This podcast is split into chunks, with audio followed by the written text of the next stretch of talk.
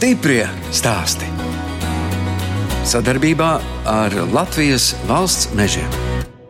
Bērka bazārā, tad, kad sākām braukt ar maizi, tad man pienāca viena sieviete, kad viņa pēc četriem gadiem gribētu pagaršot manu maizi, novēlēja, lai viņai tā kvalitāte nemainītos. Un tad es ar tādu lepnumu varu teikt, ka nu, jau ir desmit gadi, kopš mēs cepam maizi, un es esmu ļoti, ļoti gandarīta un laimīga par to, ka mums tā kvalitāte nav mainījusies. Ir mazliet, protams, auguši apjomi, bet mēs esam spējuši saglabāt to labo kvalitāti un to maizes garšu tādu, kā mums bija. Tā saka uzņēmēja Inta Ekerte no Pārgaujas novada Straupes pagasta. Es, žurnāliste Daina Zalamane, šoreiz tikos ar uzņēmēju, kas plātsmaizes un pīrāgus sāka cept savas mājas virtuvē. Inta stāsta, ka viņas biznesa tapis pateicoties klientiem un viņu vēlmēm. Tā viņa sāka uzcept rožkalnu mājas maizi, vēlāk izveidojusi konditoriju un veikalu Senā Hanza, bet pirms gada kļuva arī par kafejnīcas zemozola īpašnieci. Lai arī Inte bērnību pavadījusi drustos Gatartā, dzimusi viņa ir straupē. Esmu dzimusi tepatās Lielstraupē, skaistā vietā, Gaujas malā, Mešarga mājā, ar skaistu nosaukumu Baltiņi. Teizojamies šarks, tas bija kolhoz laiks, kad vecāki šeit dzīvoja. Un tad vecāks aizsūtīja uz Gatāts kolhozu pa ceļam no Raunas uz Jaunpiebalgu. Es saku, ka es vienmēr nāku no drustiem no Gatātas. Arī skaista maza vietiņa, kas šobrīd jau ir diemžēl ļoti, ļoti pamesta, jo nav tur to darbiņu. Bet jā, es visu Vienīgais bērns bijāt? Nē, trīs māsiņas. Es esmu jaunākā, un abas māsas ir palikušas drustos vēl. Viena Gatārtā tieši otra drustos. Skolas gadi bija drustos, saros Baltā skolā, ezera krastā, un, un tās tiešām ir tādas labākās atmiņas bērnības. Nācām kājām 4 km no skolas. Nevienmēr, protams, gāja autobusi, bet nu, tad, ja kādreiz gribējās ātrāk vai nokavēts vai kā. Es dejoju, un, un es biju klases vecākais un, un komjaunatis. Es biju aktīvists. Tad jau vien labi mācījāties. Jā, valodas man gāja grūtāk. Matemātika vienmēr bija mana specialitāte. Matemātika, fizika, geometrija, viss tā mācības. Bet arī šobrīd es saku labprāt augstāko matemātiku, bet tikai valodas. Kaut, kā, nu, kaut ko jau arī māku. Mazliet franciski, mazliet krieviski. Vecākiem bija kūtiņi, tāpat kā jau tajos laikos. Man ļoti nepatika ravēt dārzu. Man patika visi tie kūdzu darbi, tādi nu, sienu nest un mēslus. Tad jau bija gotiņas. Jā, jā, bija gotiņas, cūciņi, kā jau toreiz vistiņas un, un, un, un kas vēl tur aitas. Un, un tad man ļoti patika ar tēti kopā garažā. Padevāt stelats lēvis, jā? Jā, padevu kaut ko tētim un, un tad atceros, ka man bija pašai savs mazais āmurītis, savus nagliņus, un es viņus tur daudzīju, un atkal vilku ārā un daudzīju. Un ļoti patikās tā. Nu, jau teica, droši vien pēc divām meitām ļoti to dēliņu gribēja. Jā, es būtu Andrītis. Mani gaidīja kā Andrīti, jā. Un tad es tā braukāju tētim līdzi uz mežu. Mēs dastojām kokus, mēs stigas zinām. Es visus tos meža darbus to zināju. Un es atceros, ka tētis atbrauc mājās, kā viņš smaržoja pēc kokiem, pēc sveķiem. Viņš vadīja darbus, bet vienalga viņš braukāja ar zirdziņu. Ziniet, kad bija pats garšīgākais, tētis atbrauc mājās. Pat garšīgākā bija tā maizīte. Nekad nēdu speķi, man arī šobrīd negaršo. Bet tad, kad teica atved to maizīti mājās no meža, Tas bija pats garšīgākais. Vienmēr bija tā tēta, tev nepalika pāri maizīte, visu apēdi. Un tad mums bija siena pļava tāda tālu, 4 km. Tagad liekas, nu, kas ir 4 km, ja, bet mēs braucām uz zirdziņu, un tad mēs aizbraucām uz turieni, un tad tēta vienu kārtu nopļāva.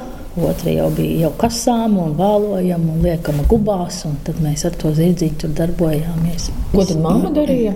Mamma strādāja par zootehniķu, un tad vakarā parasti bija jāpa fermām, un tad bija jāskrien tur teliņi glābt. Viņai bija ļoti maz tādas brīvdienas. Tie bija arī tādi svētki, ka kādreiz atnāk sestdien mājās, un kad mājas maržo, ka jūt izmazgāta mamma ir kaut ko uzcepus pīrāgs vai ko. Nu, tie bija tādi svētki. Kad pabeidzāt vidusskolu? Bija plānots, kad iešu uz Latvijas universitāti un kļuvuši par matemātikas, informātikas skolotāju. Patīk tā lieta. Un, un aizbraucu jau uz iestāju eksāmeniem, un tad kaut kā tā galva sagrozījās. Tad sanāca tā liela mīlestība. Un izskrēja pie vīra. Bet uh, vienīgais, kas no tām attiecībām sanāca, bija ļoti foršs dēls. Tad es sāku strādāt par pārdevēju, nolikt tos kursus.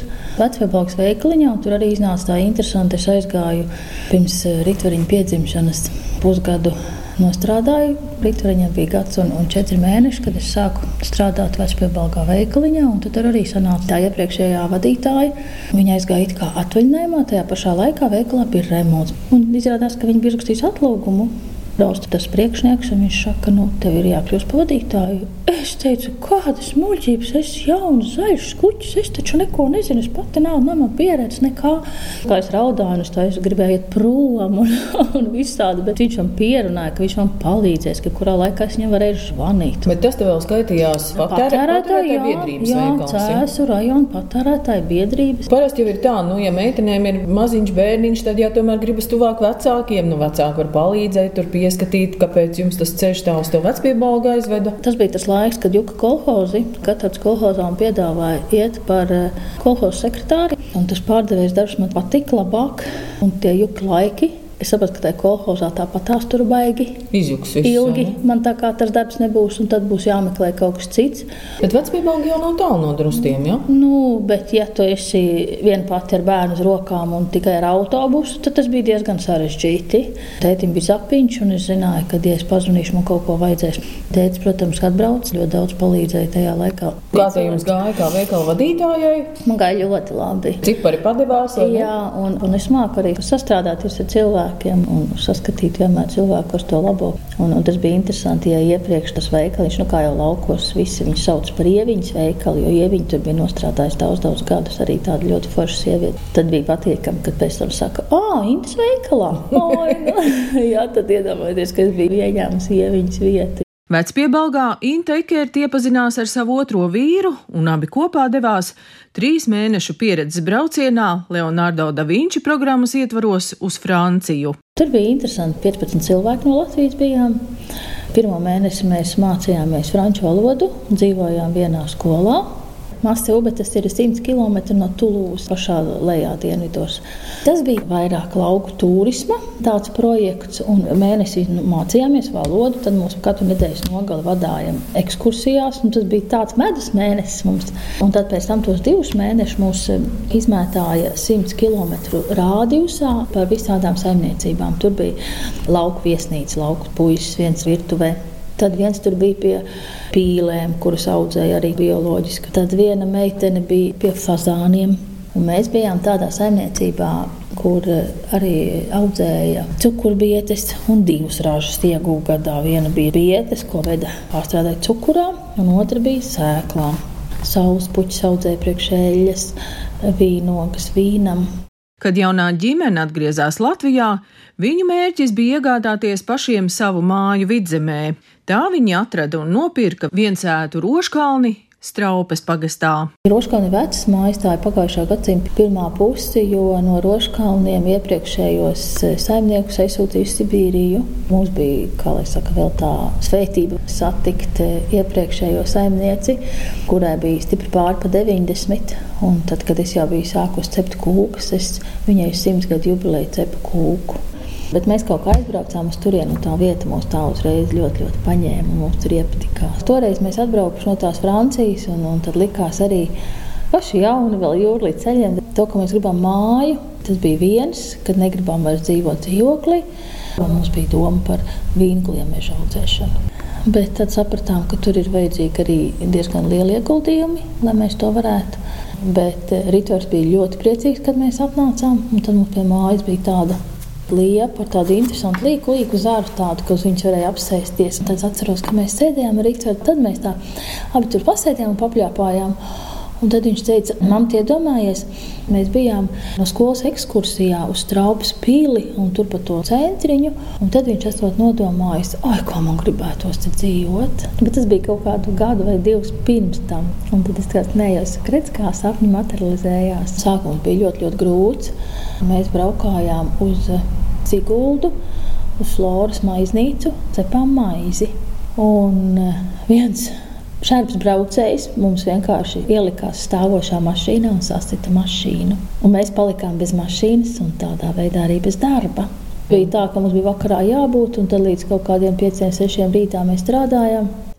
Tas viens brīdis bija ļoti grūts, un tad mēs ar Austriju sēdējām un, un runājām par to, ka varbūt ir tā māja jāpārdod un jānopērk par to naudu kaut kādas dzīvoklītes un, un tuvāk pilsētā. Un Ritvars visu to nejauši dzirdējis. Viņš saka, māmu, es dzirdēju, kā jūs ar tēti runājat, jo Ritvars sauc Altru par tēti. Viņš bija četri gadi, kad mēs sagājām kopā un viņš ir viņam vienīgais tētis.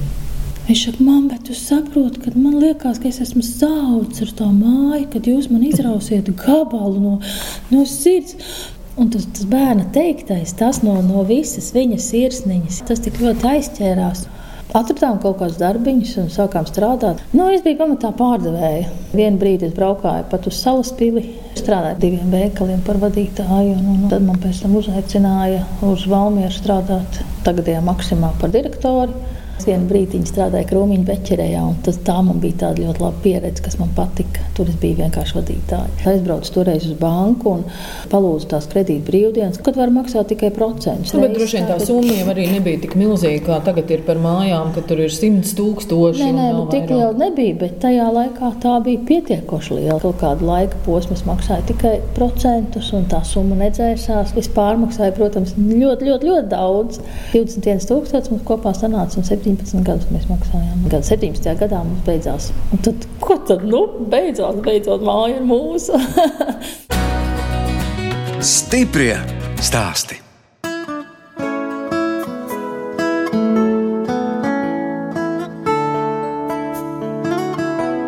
Jūs klausāties raidījumu stipri stāstī. Turpinot ciemoties pārgājas novada straupes pagastā pie uzņēmējas, veikalu un kafejnīcas īpašnieces Intas Ekertes. Viņa stāsta, ja straupē nebūtu izveidots straupes lauku labumu tirdziņš, iespējams, ka viņa nebūtu kļuvusi par uzņēmēju.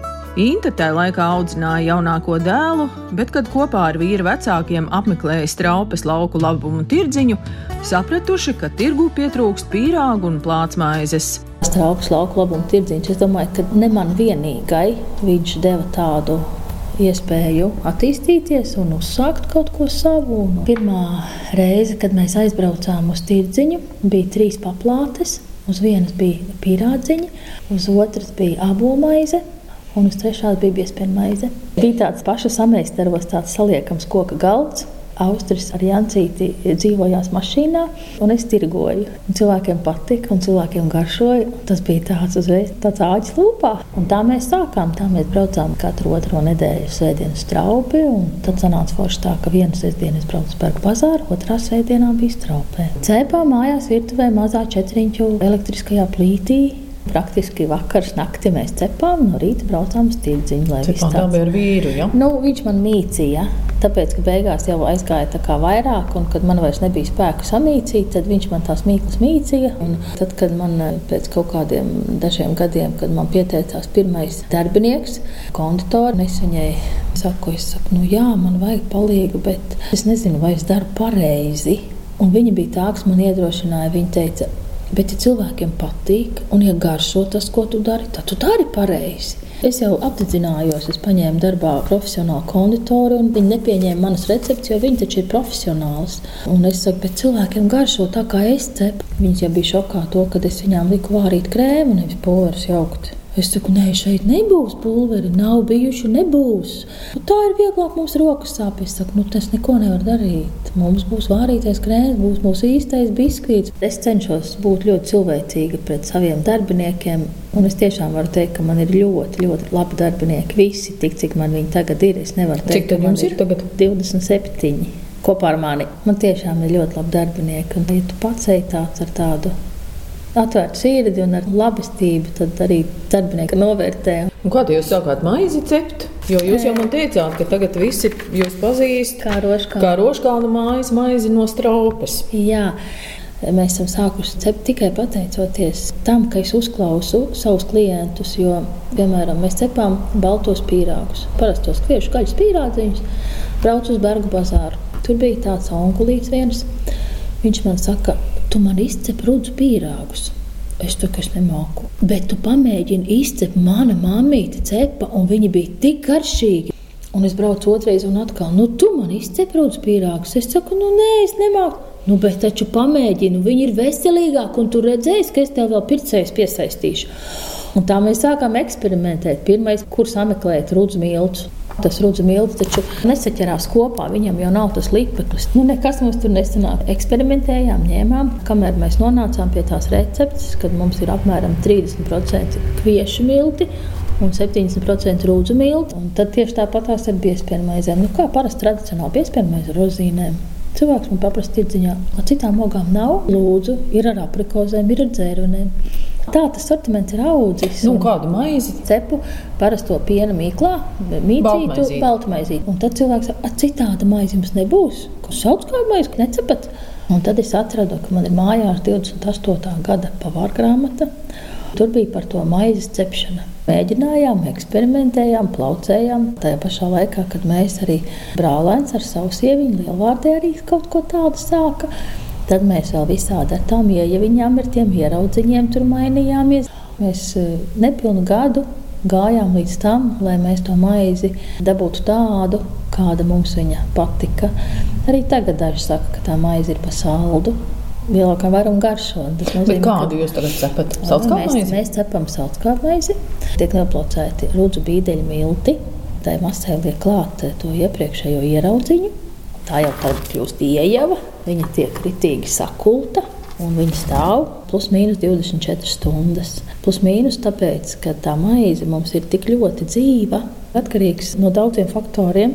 Nu, temperatūra tas pats par sevi, kāds ir telpas temperatūra, viss, bet ir laika apstākļi, ir mēnesis fāzes. Un pats interesantākais, kad ir arī gada ritējums, jo vasarā, jūlijas, augusts, ja jau uzrūkst pat citreiz 12 stundās. Sevišķi tad, ja vēl jūlijā vai augustā uznāk kaut kāds negaiss, ja viņi taču tāpat kā piens ātri saskāps, tā arī tā ieja. Un, un atkal sevišķi tagad, decembris, janvāris, kad visa daba guļ, Tad arī tā ieeja mierīgi 3-6 stundas. Viņa izdomā, kad un tad tikai viņa būs ieskābusi. Tad to ieeja viņa nostāvējusi vajadzīgo laiku, viņa ir sarūgusi, tad viņa ir gatava pievienot klāt kviešu miltus, mazliet cukuriņu, ūdeni un viss 6-8 stundas rūkst mīklu. Tad apmēram tāda ir elektriskās krāsnīs. Jā, jā, jā, cilvēkam nu, nepatīk. Malkas krāsnī ir tā biezā, gandrīz centimetra garoziņa. Ja mēs cepam lielus kukuļus, tad viņi noteikti tāda arī būtu. Un tad mēs iesākam atkal pateicoties cilvēkiem, vai jums sēklu maizīt vai graudu maizīt nav. Tad vienreiz uz Jāņiem izdomājām, varbūt var piebērt sieru klāt. Jā, cilvēkiem patika. Un tad mēs sākumā mēģinājām cept rupmaizi ar augļiem. Cilvēkiem tā kā īsti nepatika, un pamēģinājām salds kā maizi. Un tad to arī ļoti labāk. Tad cilvēki arī saka, nu, to jau kā kliņģi ar kā kūku var vest. Rupmaizīt arī mēs taisām. Un tagad esam iesākuši tādos ķieģeļa formiņās. Cepam ķiploku maizīti ar peķīti jau iekšā mīkliņā. Iemaisa sasmalcināts ķiplokus un, un, un, un gabaliņos sagriezts cūgaļiņu tā caurudzīti. Uz valsts svētkiem mūsu maizīti galdā lika Francijā Latvijas vēstniecībā jo pavāriņš brauca tur klāt eh, svētku galdu uz 18. novembri. Sešas kukuļus veda lidmašīnā mūsu maizi. Cik liela ir konkurence? Jo tomēr katrā vietā taču ir kāds maizes cepējs, kas cep. Konkurence ir augusi ļoti, ļoti. Tas jau patiesībā ir labi. Tas liek arī mums turēties līmenī. Un otrs, tas, ka man ir prieks, ka tiem cilvēkiem, kas dara, nevis brauc prom, tie visi, kas ir aizbraukuši, es teicu, ja viņi būtu atpakaļ gan būtu ar darbiniekiem vieglāk, gan arī patērētāji mums būtu vairāk. Lai pircēji rožkalnu maizi varētu nopirkt ne tikai tirdziņos, bet katru dienu, plācī tika izveidots veikals un konditorija Senā Hanza. Mums ir veikalā divi galdi, kafijas automāts mums tur ir.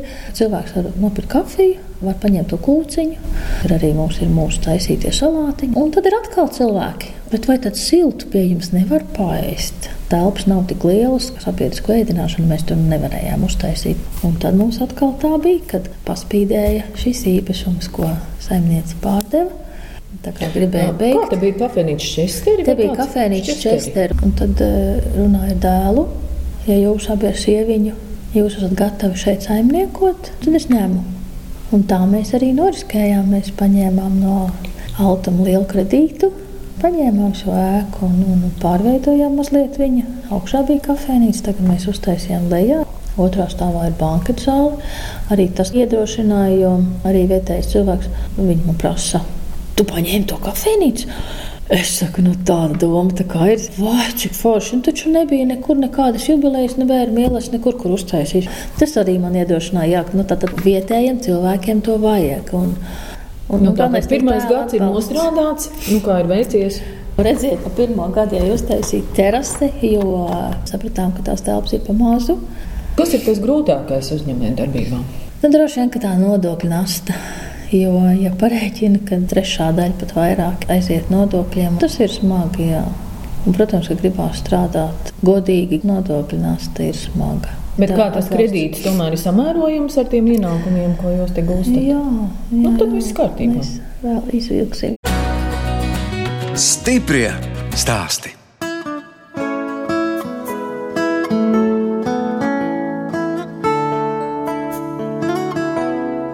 Skan redzējums stipri stāsti. Šoreiz ciemojos pārgājas novada straupes pagastā pie uzņēmējas, veikala un kafejnīcas īpašnieces Intas Ekertes.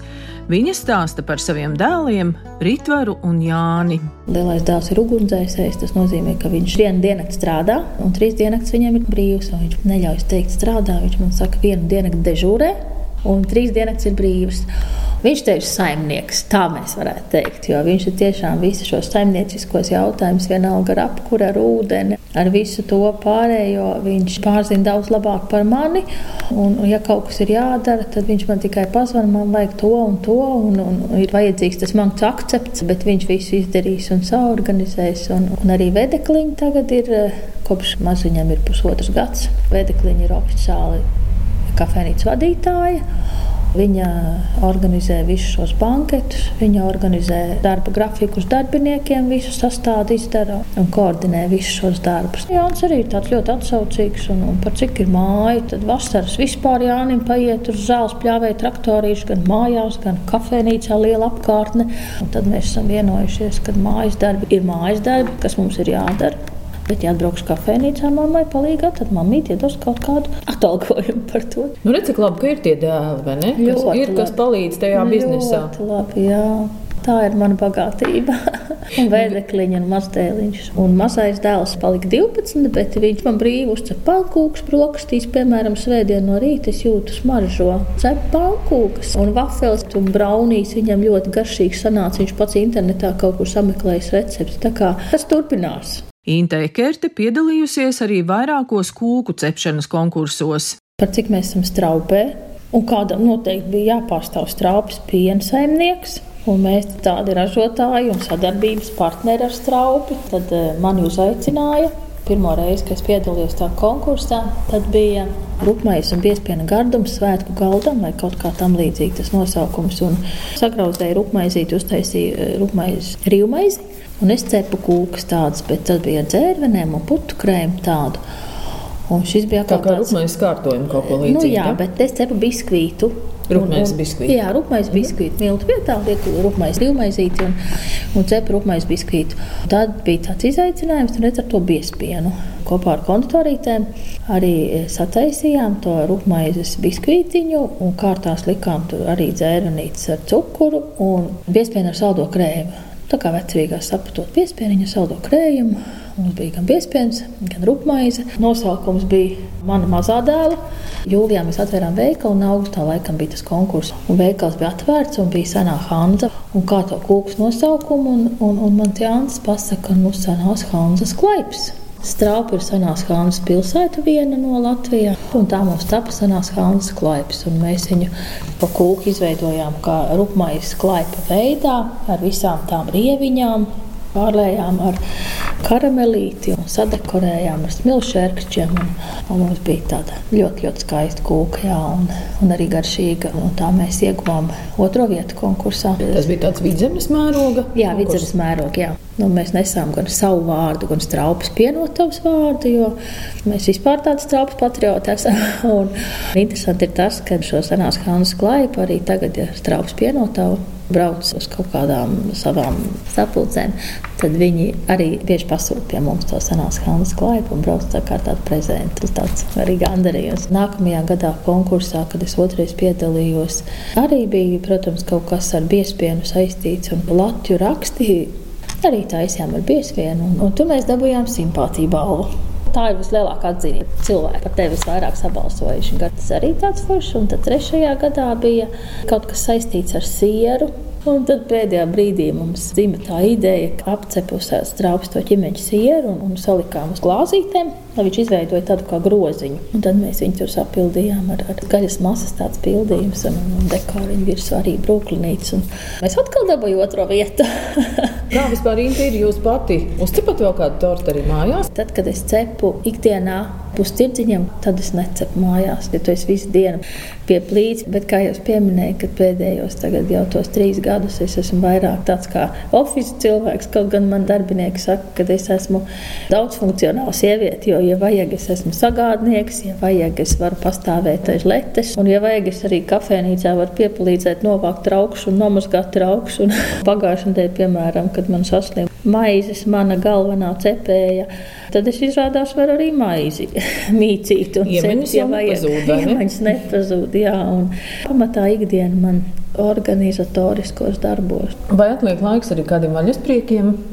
Es ļoti cenšos sevi disciplinēt, lai es neesmu tikai darbā un darbā. Es cenšos arī ievērot tās nedēļas nogales, kad es tomēr eh, esmu mājās un esmu kopā ar Jāni.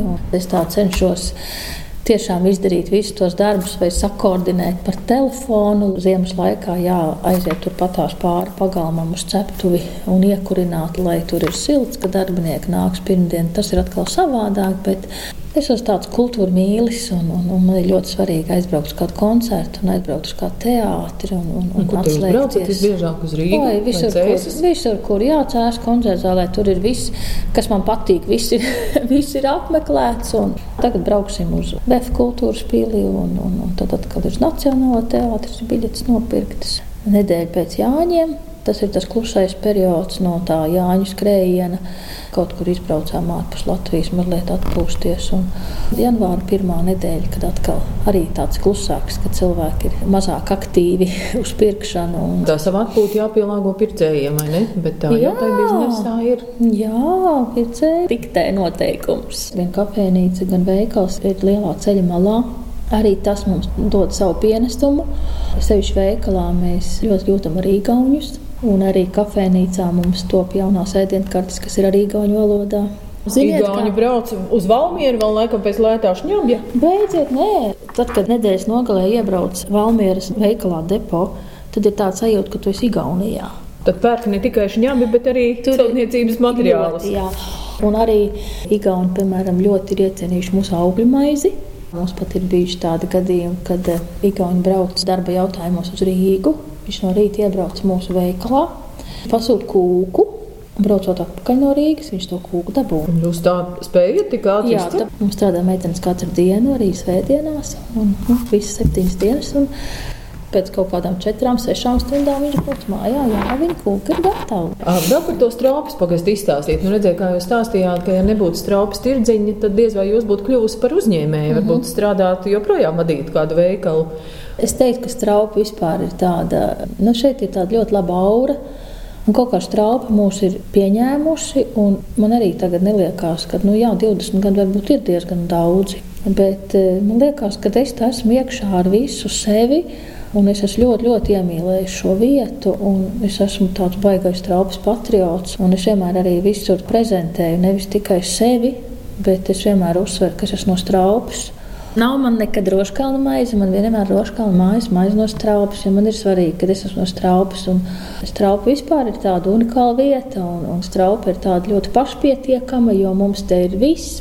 Mums ir cepta maize, mums ir piens, mums ir gaļa, mums ir akmeņkaļi, mums ir mēbeļi, galdnieki. Mums ir tik ļoti daudz, visa kā straupa ir tiešām tāda ļoti bagāta un sirdī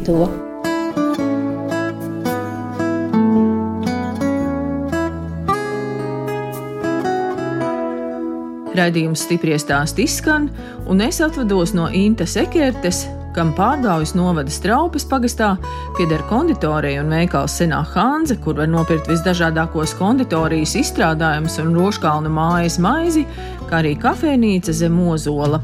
No jums atvadās žurnāliste Daina Zalamane un operātore Inga Bēdele, lai tiktos atkal tieši pēc nedēļas.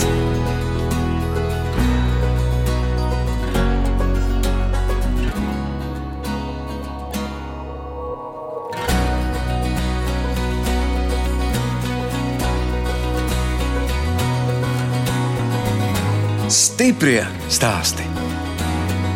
Sadarbībā ar Latvijas valsts mežiem.